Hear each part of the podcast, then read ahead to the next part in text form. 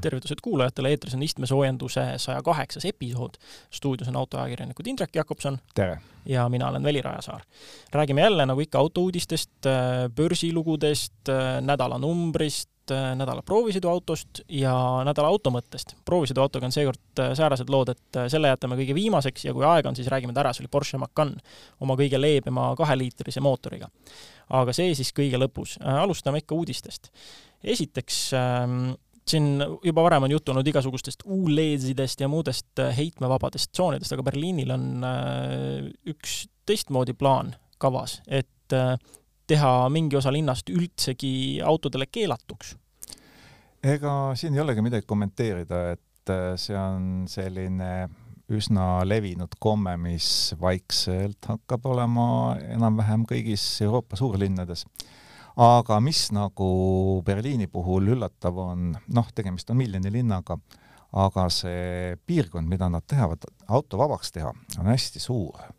selle kohta öeldakse, et see on suurem kui Manhattani saar ja kes Berliini natukene paremini tunneb või on seal ühistransporti kasutanud, siis see on ringkujulise raudtee sisemise osa suurune ala, ehk siis teatavasti Berliin on üles ehitatud sellisel ringradiaalsel põhimõttel, noh, natukene sarnane Pariisiga, mis on kõige klassikalisem selles mõttes. ja Berliinis on sellist asja tõesti võimalik teha, et kuna linn on ringikujuliselt üma, ümbritsetud ühistranspordivõrguga, siis selle sisemusse võib teha täiesti vabalt sellise tsooni. hakkadki niisuguseid sektoreid välja lülitama nii-öelda, onju. aga huvitav on see, et nad esiteks ei katseta seda jah, mingil väiksel alal, vaid kohe lahmakas, ja teine on see, et see siis saadab ju selge signaali, et eh, noh, kui muidu on just need heitmed patuained, siis see on ikkagi noh, autod üleüldse siis on pahalased, mis tuleb sealt välja suunata aga tegelikult äh, selliseid asju on ju ammu katsetatud, et Tallinna vanalinn on ju iidamast-aadamast juba autovaba, keegi ei pahanda selle üle, et ta ei saa parkida Vabaduse väljakul või Raekoja platsil. et äh, selliseid imepisikesi tsoone on tehtud ja tehakse kogu aeg juurde, aga Berliin on nagu selles suhtes üllatab, et nad võtavad nii suurelt ette, et see on ikka päris lahmakas piirkond. Äh, teine asi on muidugi see ka, et kuidas seda siis äh, jõustatakse, sellepärast et noh, sa just mainisid vanalinna, kuna mul pikalt on äh, tööalaselt olnud asja ka ikkagi sõita vanalinnas igasuguste filmivõtete ja reklaamivõtetega seoses, siis on see, et ähm, kunagi ei ole jäänud sellest piirkonnast tegelikult sellist muljet kui nagu autovabast piirkonnast, et alati on see, et sinna ikka kuidagi saab, selleks tihti ei ole isegi eriluba vaja, piisab sellest, kui sa põhimõtteliselt võtad mingisuguse paberitüki, paned selle oma klaasi peale, kirjutad filmivõtted, mis iganes, ja keegi ei tule kögisema, mitte kordagi ei ole, noh, meil on alati küll load olemas olnud, on ju, aga mitte keegi mitte kordagi pole nagu kögisema tulnud, et mida te siin teete, kus te sõidate ja jalakäijad ka tõmbavad kahte lehte laiali ja ei noh, mitte, mitte mingit niisugust tunnet ei ole, et see nüüd äh, on tegelikult ju mingisugune, ütleme, rangelt piiratud tegevus, mida mul siin lubatakse teha. aga ega Berliin ei kavatse oma tänavaid üles kaevata, et äh, selle linna spetsiifika on veel see, et äh, ta sai teises maailmasõjas ju hirmsasti kannatada ja kui ta üles ehitati, siis äh, tehti päris ilusad suured laiad tänavad, mille peal on autoliiklust hea ja mugav projekteerida. ja see tähendab seda, et seal on praegusel hetkel ruumi, ühistransport jääb ju sõitma, jalgratturid jäävad liikuma ja spekuleeritakse sellele, et näiteks igale elanikule antakse selline aastakaart, millega ta saab siis kaksteist korda aastas käia noh, ma ei tea, oma autot näitamas või midagi muud taolist tegemas mm. -hmm, nii et äh, ühesõnaga väga nagu range see asi veel vähemasti kohe ei paista? ei, tänavaid üles ei kaevata, lihtsalt selline ei, igapäevane liiklus äh, võetakse kinni. aga jah, mis nagu siin eriti üllatas, et äh, see diislihäbi hakkab seal vaikselt vaibuma, et kõik autod on ühtmoodi pahad ja siin ei tehta vahet, kas ta liigub elektri, diisli või mootoribensiiniga järgmine uudis puudutab Renault gruppi ja kõiki selle brände. Renault eile saatis terve postkastitäie põnevat lugemismaterjali. Seal on siis müügitulemused, nii Renault kui Dacia kui Alpine, et mis meil veel puudu on, on vist Lada müügistatistika me võtsime need kõik mitu pressiteadet kokku ja panime selle juurde, mis seal kogemata ütlemata ununes. ja lühike resümee on see, et Dacia ja Alpine müük siis kasvas, Lada müük kasvas ka, aga see kõik ei päästnud kogu Renault gruppi ja kolmandat aastat järjest siis müük langes, ei saa nüüd päris ainult kiibikriisi selles süüdistada. et äh, mullu Renault müüs siis kogu grupis kaks koma seitse miljonit autot ja äh, kogu langus siis neli koma viis protsenti, et Renault ise moodustas sellest peaaegu kuuskümmend kolm protsenti ja siis ongi arusaadav, et kuna nende müük kukkus kõige rohkem, siis nad seda päästa ei suutnud. et äh, arusaadavalt E-Tech seeria, mis on siis Renault brand name kõikvõimalike hübriidelektriliste autode kohta, noh, nendest oleme ju ise siin palju rääkinud ja sõitnud nendega, alustades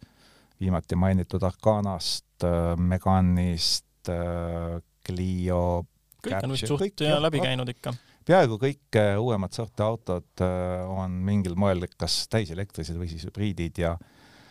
ja see osa on kogu grupist kolmkümmend protsenti ja selle müügikasv oli lausa seitseteist, aga sellest ikkagi ei piisanud, et nina jäi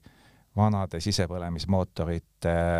toel vedas ikkagi allapoole noh, Dacia on teinud muidugi samas siin kõrval jällegi kõva kasvu, on ju, äh, viissada kolmkümmend seitse tuhat müüdud autot, aga noh, jällegi, ega sellest ka ei, ei piisanud paraku. kuigi samas nad on tõusnud Euroopas esimest korda turu, äh, turul siis äh, esikolme sekka. Dacia loeb ennast Renault Grupi kasvumootoriks ja minu meelest täiesti õigustatud, et tegemist on ikkagi sellise brändiga, mis saab pidevalt Äh, rohkem müüa, kuna hinnad on soodsad ja inimene loeb alati raha. ja naljakas on see, kuidas äh,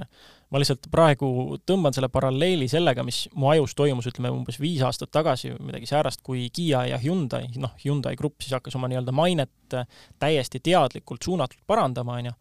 ja mulle tundub, et Daciaga toimub praegu sama asi, kuramus, turundus töötab. ma praegu vaatan juba mõnda aega, ütleme terve eelmise aasta enam-vähem sellise pilguga, et tegelikult ju ei ole selles mingit midagi häbiväärset, et ta on äh, odav auto ja ei ole seal mingit kvaliteeti, ta on aus asi, on ju, ja, ja noh, ja üha enam paistab, et ta nagu läheb veidike sinna kõrgemale ka minu isiklikus hierarhias, et tuleb öelda, et see turundus töötab ja noh, Dacia Spring kas või mis oli, eeltellimus oli kusagil nelikümmend viis tuhat eelmisel aastal, on ju. et need, see tundub ka tegelikult täiesti äge asi, kui sa teda õigetes oludes kasutad. Jah, et äh, eks nad kõik müüvad nagu mühiseb, aga tuleb arvestada, et Äh, tegemist, Dacia ei varja, et ta on odav auto ja see tähendab paratamatult äh, mõningaid puudusi, aga noh, nendest me oleme ka rääkinud no,. see on vist äh, osalt ka see selline psühholoogiline natukene, et igasuguse muu turundusjura vahele on sul ikkagi see, see ausus, see ausus mõjub nagu hästi, et ongi see, et nad ei varja, kes nad on, nad ei ilusta seda mingite, mingite ägedate sõnadega, vaid noh, ongi see jälle viib tagasi selle mõtteni, mis on kunagi läbi käinud äh, mu küünilisest peast, et miks ei ole keegi asutanud äh, mingit reklaamfirmat või agentuuri, mis teekski äh, jõhkralt ausat turundust. et noh, ei ilustaks midagi, kõik olekski noh, mis iganes paralleel a la mingisugused need, kui need tulid kartongist piimapakid, on ju, kõik rääkisid, oo oh jaa, keskkonnale sõbralik, nii hea ja lihtne avada no miks, sinna oleks väga hästi sobinud juurde üks reklaamagentuur, kust tulebki müügimees ja ütleb, et jah, see oligi kasumi pärast, aga me kõik võidame sellest, see on odavam, noh, see loodus on lihtsalt nagu järelmõte, see on tore asi, mida turundada, aga tegelikult on selle taga kasum, aga teie kui tootjad saate ka odavama toote, on ju. et noh, miks, see ei ole ju häbiväärne seda öelda. seda on liiga palju, inimestele meeldivad äh, kahesugused lähenemised, hea, halb. ja kui rääkida inimesele ainult, et piimapakk on hea, teistsugune piimapakk on halb, sellest ta saab aru. üldreeglina ta ei viitsi rohkem mõelda. see on kurb. aga see on tõsi ja, ja hea küll, tõmbame Renault otsad kokku sellega, et tema grupi võib-olla kõige vähem meil populaarne bränd ehk siis Lada, millest me teame väga hästi, aga vähesed on selle peale mõelnud, et tegemist on Renault osaga. ka neil läks suhteliselt hästi, müük kasvas küll ainult null koma kolm protsenti, aga nad müüsid kolmsada kaheksakümmend viis tuhat autot ja Venemaal on nende käes kakskümmend üks protsenti sõiduautoturust ja Lada mudelid, Lada Vesta ja Lada Granta on jätkuvalt Venemaa kõige populaarsemad autod. et võib-olla mõnes järgmises saates räägime jälle natukene nendest, kuidas neil läheb, paraku siia Euroopasse niivat müüakse, aga Eestisse ilmselt lähemal ajal neid oodata ei ole, aga mine tea. oma müügitulemused avaldas ka Volkswagen AG ja jällegi nagu äh, ootuspärane nii äh, laia brändivalikuga kontserni puhul, siis äh, mõned on näidanud oodatust suurematki kasvu ja mõned on jällegi kukkunud. jah, et kui Volkswageni kaks suurt brändi noh, müüginumbrite mõistes võtta siis kaks langesid, kaks tõusid, Bosch läks tõepoolest hästi, peaaegu üksteist protsenti müügimaht kasvas. Ja hästi läks ka Seatil, kes äh, müüs äh, ligi nelikümmend viis tuhat autot rohkem kui eelmisel aastal, kõigile kiibikriisidele vaatamata ja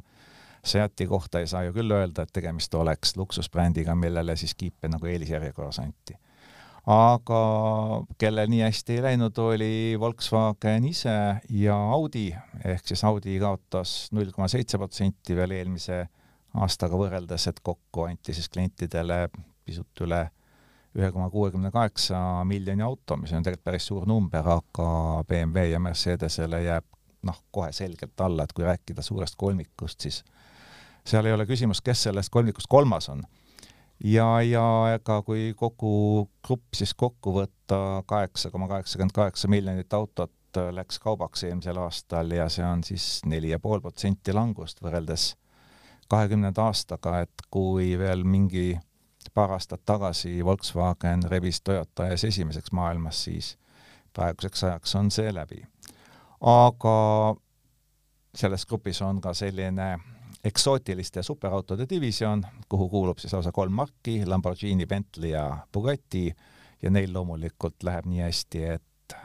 tõus on peaaegu veerand eelmise aasta müügist. seda on kusjuures Eestis ka näha ju, et nii, kui palju luksusautosid on viimase aastaga tegelikult tänavatele tulnud, et see tundub, et kajastub nagu kõikjal. Et kas või kui vaadata seda, et Ferrari esindus avati ja nad müüsid oma selle normi täis vist, ma ei mäleta, kas mingi nädalaga või midagi ja, sellist. viis autot oli norm ja kohe läks. jah, et siis äh, noh, ja, ja vaadates lihtsalt, kui palju on luksusautosid tänavatele ilmunud, siis noh, ongi igasugused krüptomiljonärid ja inimesed välja ujunud ja neil ei ole mingisugust ostujõudluse muret, on ju. no teiseks peab ka olema midagi vastu anda, et äh, me rääkisime sellest, kui hästi Rolls-Royce'il läheb, et nad ei tea, mis asi on kiibikriis ja tundub, et ka Lamborghini ja Bentley'le on see mure võõras. jah, loomulikult.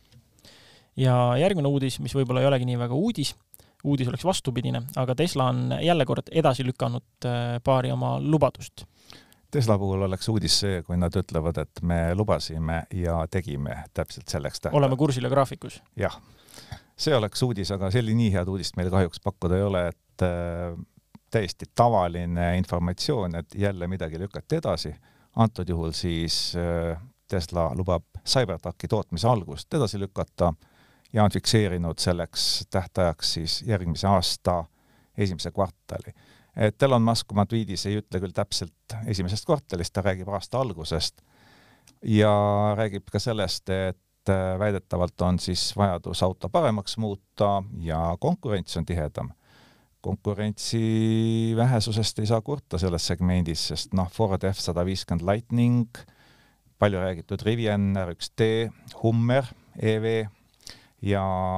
Silverado, nii et äh, konkurentsi jagub ja täiesti arusaadav, et kui Tesla tahab sellest läbi lüüa, siis ta peab oma autot tõepoolest natukene paremaks muutma. noh, ootame siis, millega nad seal välja tulevad ja mis äh, lapsikuid lisasid välja mõtlevad, Elon Musk on oma lapsikute lisade poolest tuntud. huvitav, kas see edasilükkamine ongi siis osa, osalt ongi nagu käib nii, et äh, on planeeritud ka downtime, kus äh, härra Musk siis põhimõtteliselt mõtlebki, et mis, missuguseid lisarežiime asju sinna teha, et on ju igasuguste muude Teslade äh, tarkvarast tulnud välja surnud koodijuppe mingite stiilis, mis see, mis see viimane oli, äh, mida, kiropraktikuga seotud midagi, mis ma eeldan, on veel, veel mingit, mingit sorti vängem kiirendusrežiim ja noh, igasuguseid asju on seal välja tulnud, on ju. et äh, tegelikult selles mõttes, et äh, edasilükkamine edasilükkamiseks, nendega me oleme Tesla puhul harjunud, vaatame jah, mis sellest põnevat välja tuleb. Ja noh, kui me juba Teslast räägime, mainisid siin ka R1D-d, et siis ilmselgelt peab juttu tegema Rivianist. Ega meie saade ilma Rivianita ju ei sobi ja nädala börsiuudis on seekord natukene kurvavõitu, et äh, reedel käis aktsia hind allapoole IPO ehk siis esmaemissiooni hinda, mis oli teatavasti seitsekümmend kaheksa dollarit, aga meil õnnestus näha hinda seitsekümmend viis dollarit sentidega Äh, me salvestame seda saadet teisipäeval ja praegu on Ameerika börsid lahti ja sealt midagi ilusat vastu ei vaata, et Riviani aktsiahind on jälle allapoole emissiooni hinda. me ei hakka praegu selle põhjusi analüüsima, võib-olla me teeme seda teinekord, aga kindlasti oleme arvamusel, et need põhjused, miks see aktsia niimoodi käitub, ei ole nüüd ainult Riviani kesksed, et siin on tegemist ikka löögi all on ju kogu segment, aga arutame mõni teine kord. jaa, vaatame, sest et siin on äh, ennustus, mida, mis sai jõuliselt ja julgelt välja käidud ja ikkagi selle ennustuse juures tuleb püsida, et et ei käi seda mulli lõhkemist, aktsiamulli lõhkemist ei Tesla, ei Riviani ega teiste näitel veel sel aastal, kui seda nüüd vabas vormis sõnastada no kui seda sektorit tegelikult vaadata aktsia seisukohalt, siis kõik räägivad ainult kolmest, et Lucid, Tesla, Rivian, nemad on kolm sellist kõige populaarsemat, kõige ägedamat, jah, et ega me võiksime ju tegelikult selle ennustuse jaoks ka mingi numbrilise piiri panna, mis me jätsime küll tegemata. Tesla tuhat oleks võib-olla kõige lihtsam. no peab natukene analüüsima ja siis vaatama, et kas me võime selle numbri sinna kõrvale panna tuhandetest rääkides jõuame nädalanumbrini ja see on kaheksateist tuhat. kaheksateist tuhat on ligikaudne number, mille, mis siis müüdi eelmisel aastal vesinikuautosid. et äh, see number on üle-eelmise aastaga ehk siis kahekümnenda aastaga võrreldes peaaegu kaks korda suurem, kui täpne olla, siis üheksakümmend viis protsenti ja selle kasvu tagas siis ennekõike Toyota Mirai teise põlvkonna mudel, et Acceleristas on vist ka Miraiga üks proovisõit lausa tehtud. jaa, on täitsa tehtud, Ülle, Ülle tegi ja paraku mul on siiani see proovimata, ma ei saanudki kuidagi, ma nägin ja kuulsin seda kaugusest, aga, aga sõita ise sellega ei jõudnudki paraku. et ähm, tuleb see ette võtta, ma ikkagi jätkuvalt on vesiniku osas ootused äh, ütleme, kõrgemad kui keskmisel inimesel, tundub et äh, tegelikult ju see on sektor, kus äh, on täpselt kaks tootjat ja sinna ülejäänud autotootjad millegipärast ei taha või ei mahu. teine on Hyundai Motor Company ja nemad on siis jätkuvalt sektori liidrid, vesinikuautodest kuulub neile viiskümmend viis protsenti turust. aga seda jätkuvalt tänu esimese põlvkonna Nexole, mis on juba suhteliselt vana mudel mul õnnestus sõita augustis ka teise põlvkonna Nexoga, mis noh, äärmiselt lühikest aega ja sõidu emotsioon oli selline, et kui teda ei tangitaks teistmoodi, siis ma võiksin arvata, et lihtsalt tegu on ühe tavalise toreda elektriautoga mm, -hmm. jah. aga tänu sellele, et Nexo jätkuvalt hästi müüb, hästi müük on muidugi suhteline mõiste, hästi müüb vesinikuautode mõistes siis Hyundai seda liidripositsiooni hoiab ja ilmselt äh, ka sellel aastal veel Toyotale seda ei kaota. aga mine tea, mis on nagu selge ja kindel, on see, et äh, need kaks ettevõtet siin turul on ennast positsioneerinud liidritena ja ülejäänud sinna millegipärast ei tule. miks, mis sa arvad? Ju siis ei nähta nii suurt potentsiaali selles, kõik tahavad seda elektriauto piruka tükki ja akude arendamist ja kõik seda osa. Ja noh, teine asi on muidugi ka see tagatoimunud turundustöö, et elektriautod on inimestele juba palju rohkem teadlikkusse viidud kui ikkagi vesinikuautod, et vesinikuautod on midagi, on vist keskmisele tarbijale midagi sellist nagu obskuurset natukene või niisugune, niisugune nagu alternatiivauto või midagi sellist, millele võib-olla nagu nii tõsimeeli ei mõelda ja noh, äh, on ka ju Toyotale lähedal seisjad öelnud, noh siis äh, Akio Toyotale õigemini, et et see on osalt nagu au ja jäärapäisus, mis hoiab Toyota brändi seal vesiniku juures, et äh, mis nüüd sellest arvata, ma täpselt ei tea, aga ma igatahes jälle kord kordan, ma ei tea, kui mitmekümnendat korda, ma väga loodan, et see vesinik sisepõlemismootorite asi läheb neil ikkagi hooga käima, et et äh, säilitada mingigi võimalus entusiastidel äh, analoogset elamust äh, hoida enda jaoks garaažis sisepõlemismootoriga auto näol. no maailma suurim autotootja võib endale lubada seda luksust, et ta on au, au ja jäärapäisuse pärast müüb alla kümne tuhande autot ühte mudelit, kui ülejäänud numbrile tuleb veel kuus nulli otsa panna, et siis müüginumbrid kokku saada. ja, ja noh, ja mis meil siin äh, Toyota ja Hyundai kõrval on, no mis, kes meil võivad suuri tegusid teha, Nikola või? ma ei, ma ei tea, mida neist oodata, et noh, selles mõttes alles oli neil see skandaal, et äh, gravitatsiooni jõul töötav äh, vesinikuveok, mis mäest alla veeres, on ju, ilma mingisuguse päris ajami, ajami tööta, et et äh, no ma, ma ei, ma ei ootaks sealt veel niipea mingisuguseid suuri innovatsioone päriselt. no vesinikubusse on küll siin ja seal ka lausa riigihangetega tänavatele toodud, üks äh, Prantsuse, kena Lõuna-Prantsuse linn Montpellier. Äh, jõudis sellisele kurvale äratundmisele, et kui nad olid natukene aega käitanud viitekümmet vesinikubussi oma tänavatel, siis nad leidsid, et selle maksumus kilomeetri kohta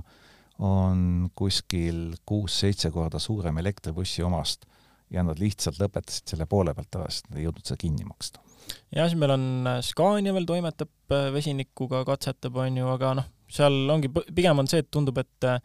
teised mängijad, kui me ei räägi nüüd auto, noh, sõiduautodest, vaid teised mängijad enamjaolt paistavad olevat seal tarbesõidukite ja veokite sektoris ja ühistransport, et suured sõidukid ühesõnaga jah, et seal on veel mingisugune lootus saada mastaabiefekti taha ja teiseks, kuna seal määrab selle ostu tihtipeale riik, siis sealt võib tulla pisut rohelisemaid äh, otsuseid, kui tuleks otseselt kommertsvedudest. aga läheme nüüd suure ja laia nädala automõtte juurde. Indrek on siin teinud väga,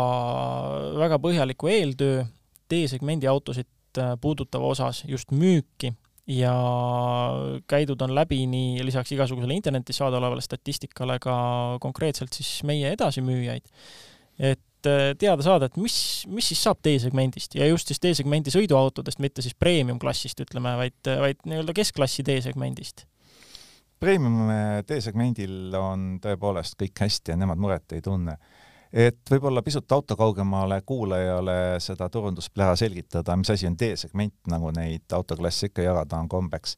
D-segment on pisut suurem tavaline pereauto, tänaval liikuvatest me oskame öelda kõigepealt Volkswagen Passat, Škoda Superb, sellised autod, Ford Mondeo, need on tüüpilised D-segmendi esindajad ja need on need, millest meil nüüd kohe juttu tuleb no sa mainisid Passatit, äh, Superbi ja sinu nimekirja vaadates on siin lisaks veel Peugeot viissada kaheksa, Volkswagen Arteon, Opel Insignia, Ford Mondeot mainisid, Toyota Camry, Renault Talisman ja Mazda kuus. aga siin äh, nii mõndagi ähm, tootjat ei ole üldse näha, et äh, Hyundai näiteks, Hondal on olnud ju selliseid suuremaid sedaane ja ka universaali kujul D-segmendi autosid. mis, mis neist siis üldse sai, miks siin ei ole Hyundai'd, Hondat? Honda Accord on omaette pika ajalooga, huvitava ajalooga auto, on endalgi olnud õnne seda omada, aga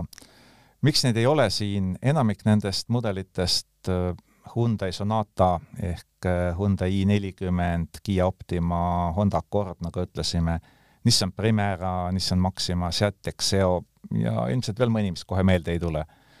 et äh, need on autod, mis on kõik olnud Euroopa turul ja Eesti turul, aga nad on vaikselt-vaikselt siit kadunud äh, ja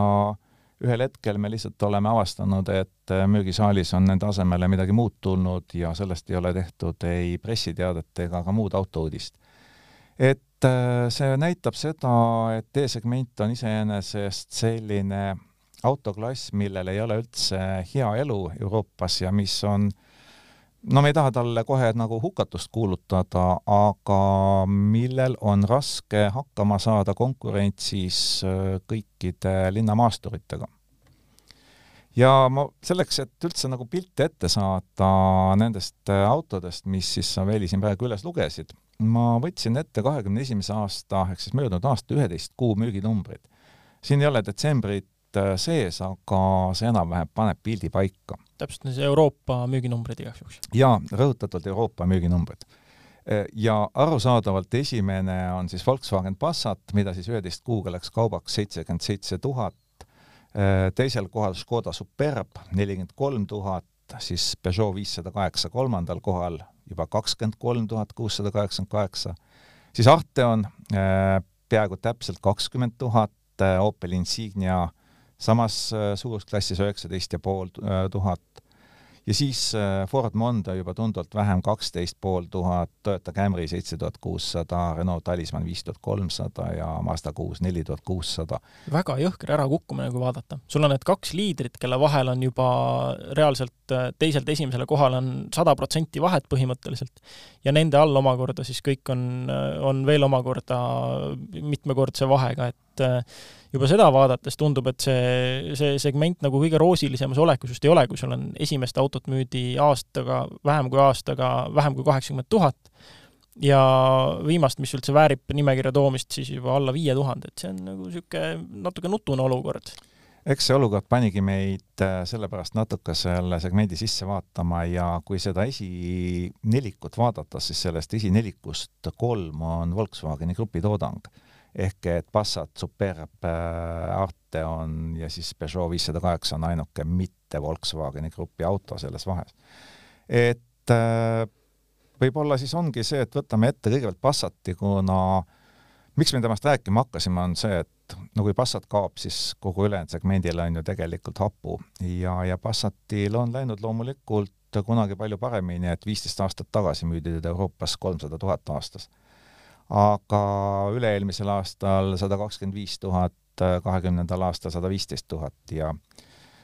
üheksateistkümnendal aastal läbis ta facelifti ja, ja näovärskenduse järel ega teda enam kogu maailmas igale poole pakkuma ei hakatudki, ehk see oli esimene ohumärk, et Lõuna-Aafrika Vabariiki, mis on tegelikult üsna suur autoturg, ei saanudki enam sedaani pärast facelifti. ja mida me nüüd teame praeguseks hetkeks, on see, et sedaan Passatiga on kõik. Et äh, seda on öelnud ka meil edasimüüjad, et laojääke võib saada aga juurde enam ei tehta, universaal jääb tootmisesse eh, ja sellest siis räägitakse, et kuni kahekümne kolmanda aastani on seda võimalik tellida. ja loogiline on see, et tegelikult kui ju ütlesime, et kui kõik kolm eh, mudelit neljast söövad sisuliselt üksteise turuosa, siis esialgu selliseks hädaväljapääsuks on Volkswagen Arteon, mis on selle tabeli neljas ja ta on positsioneeritud lihtsalt natukene kallimana samasse klassi. ja noh, Artoni õnnetus on ainult see, et äh, seda on täiesti ametlikult kuulutatud läbi kukkunud projektiks ja olemasolev mudel järglast ei saa, nii et see teeb tegelikult Passati tulevikku natukene keerulisemaks. aga mida me oleme näinud, on see, et Euroopas sõidab ringi mm, küll maskeeringu all, aga täitsa Passatit meenutav sõiduauto, mida siis Volkswagen ise kutsub Aero B ja väidetavalt kahekümne teise aasta lõpus peaks lansseeritama või siis kahekümne kolmanda aasta alguses. me ei tea, mis nime all, aga tundub, et me ikkagi saame keskklassi sedaani ainult, et kas kas me saame selle ka mitteelektrilisena, vot seda ei tea. ja noh, samas see, et need äh, kuulsad nimed ja just noh, hoovuste nimed siin, Golf ja Passat ja kõik need, äh, vist juba kaks aastat tagasi oli meil ka saates juttu sellest, et äh, et Volkswagen ütleski, et need äh, nimed kaovad ajalukku, tulevad uued asendusmudelid. et noh, nagu, nagu näha, siis see, see oli jah juba see hetk, kui nad olid ilmselgelt näinud, et see allakäik on alanud ja noh, ongi siin see ärakukkumine ju, et sada kakskümmend viis, mis oli sada seitseteist ja siis äkitselt alla kaheksakümne tuhande, on ju, et et selge on see, et siin ähm, ei tea küll, mis autoklass on tulnud, mida kõik inimesed äkki tahavad või turundus mõtleb, et inimesed tahavad ja, ja mida kõik nüüd ostavad, et kui vaadata, kui linnamaastureid täis on äh, Volkswageni mudelivalik, siis äh, seal on kõik veel T-Roc, äh, Tiguan, neid on seal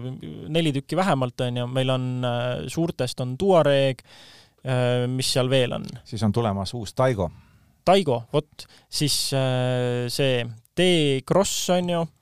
Millega me sõitsime umbes kaks aastat tagasi ja nüüd, kui me vaatame kontserni sees veel ringi, siis ilmselgelt terve posu derivatiive on nii Audil kui Seatil, noh, Seatil muidugi törts, kas Seatil on iga kohta analoog või? Neil on ju äh, päris iga kohta ei ole, sellepärast Seatil on Ateca on ju. on Ateca,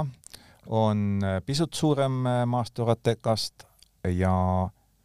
pisut väiksem, seal on samuti olemas, nii et Seat piirdub kolme mudeliga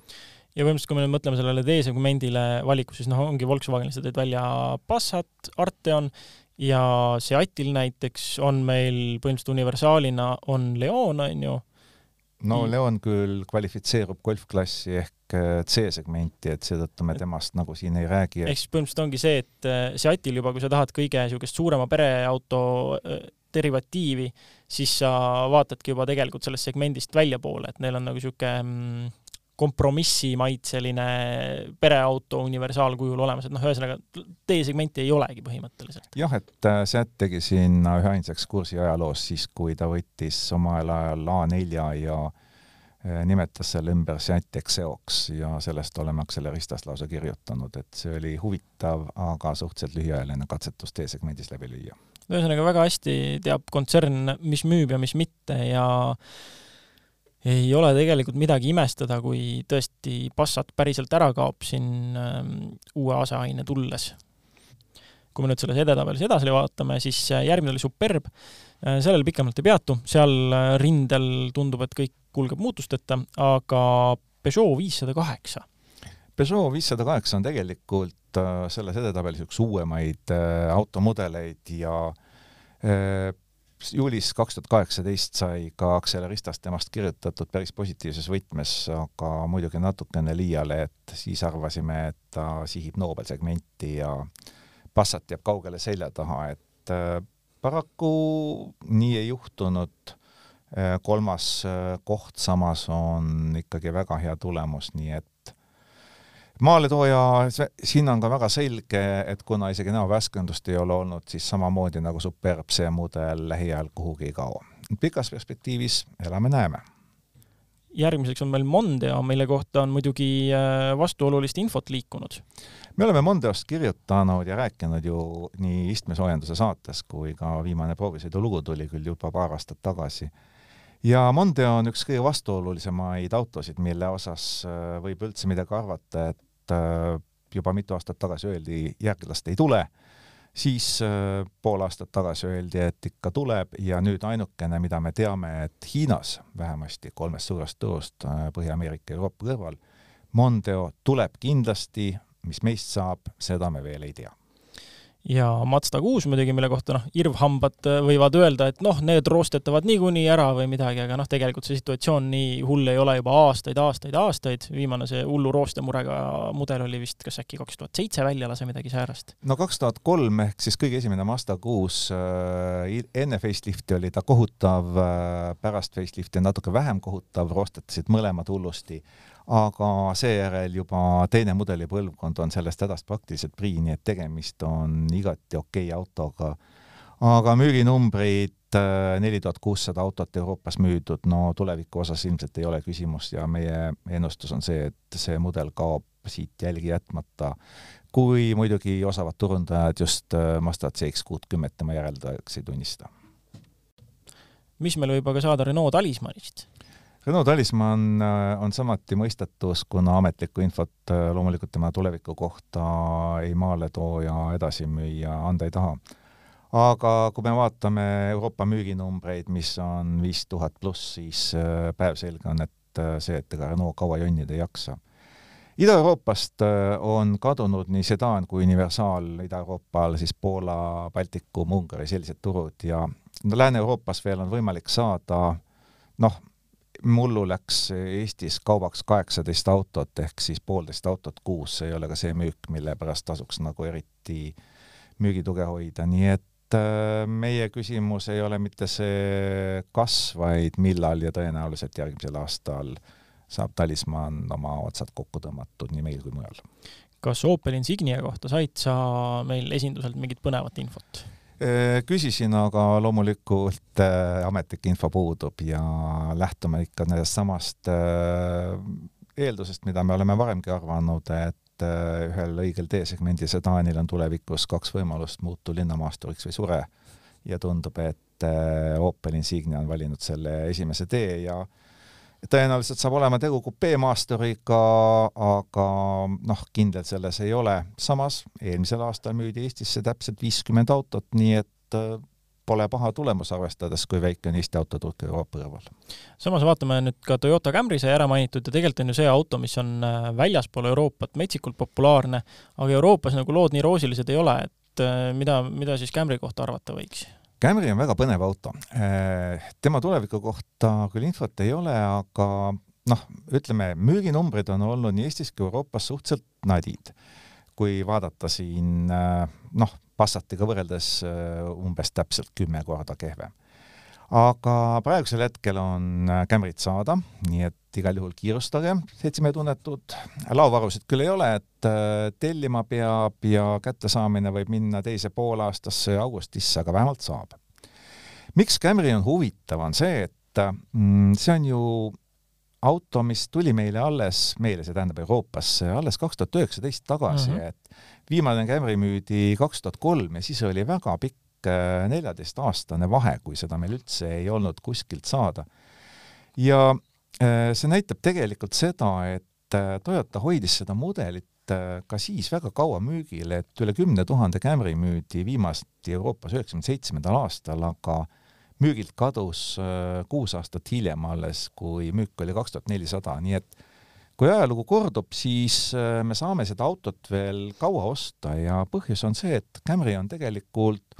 oma euroversioonis ja Ameerika versioonis hästi sarnane. et äh, seal ei ole vaja suuri ümberehitusi teha.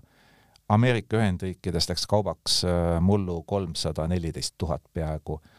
noh, parimatel kuudel müüdi Ameerikas rohkem Camrysid kolm korda kui Euroopas kogu aasta jooksul, nii et äh, Ameerika müük hoiab seda üleval, Camry on üle kümne aasta olnud Ameerikas enim müüdud sõiduauto, nii et loodame, et äh, tuled pannakse õigesse kohta ja natuke sätitakse ja tuleb meile Camryt veel kauaks, sest tegelikult on ju suhteliselt mugava ja ökonoomse autoga. jaa, absoluutselt ja sellele põhineb ju ka Lexus ES, omakorda premium variant, sama platvorm. et see ongi see, et noh, siis äh, tõmmatakse ühe korraga, kui Camry peaks minema, siis tõmmatakse põhimõtteliselt üle ka ES-ile kriips peale noh, Lexus samas täiendab oma linnamaastureid äh, jõuliselt ja sama teeb ka Toyota, et äh, aga tundub jah, et ei ole midagi, mis õigustaks Camry, äh, Camry nimekirjast mahatõmbamist. Aga nüüd üks tootja, keda siin nimekirjas saanud mainitud eelnevalt, on Citroen. Ja nendega on see huvitav asi, et sa ajasid pikalt juttu siin meil esindajatega, esindajaga. Ja mis sealt siis välja koorus? see, et Citroen ujub vastu voolu. Ehk et kui me siin praegu kogu aeg räägime kahest võimalusest, et äh, muutu linnamaasturiks või sure või noh, hea küll, hingitse kuidagi, siis Citroen ujub hoopis vastuvoolu, et äh, viimane D-segmendi Citroen oli C5, me mäletame veel, suur, uhke, aga kippus lagunema. ja eks see mõjus müügile väljaspool Prantsusmaad suhteliselt kõvasti kadus ära ja nüüd on Citroen tulnud tagasi ja väga huvitava autoga C5X. ma loodan, et see jõuab äh, tänavu mitte ainult Euroopasse, vaid ka Eestisse. Ja see on üks nendest autodest, mida me Kiia EV6 kõrval oleme öelnud, et linnamaasturite jõuline trend hakkab pidurduma, et tegemist on jälle sellise laug tagaosaga cross sedaaniga, natuke kõrgem, aga ta ei ole enam klassikaline linnamaastur ja ta näeb väga äge välja, loodetavasti ka sõidab hästi. nii et äh, kogu selle asja kokkuvõtteks võib öelda, et äh, D-segment on tõenäoliselt paljude tootjate jaoks surnud, aga seda seetõttu, et nad ei ole suutnud äh, oma mudeleid teha inimestele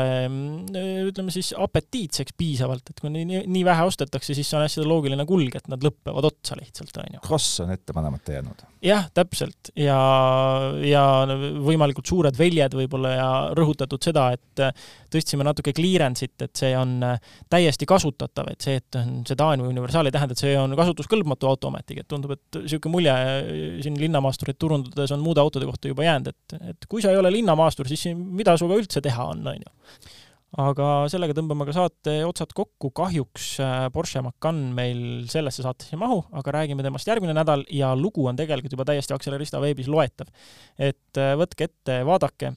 ja võib-olla Indrek täiendab järgmisel nädalal seda lugu eetris millegagi. aga aitäh, et kuulasite! Kuulmiseni!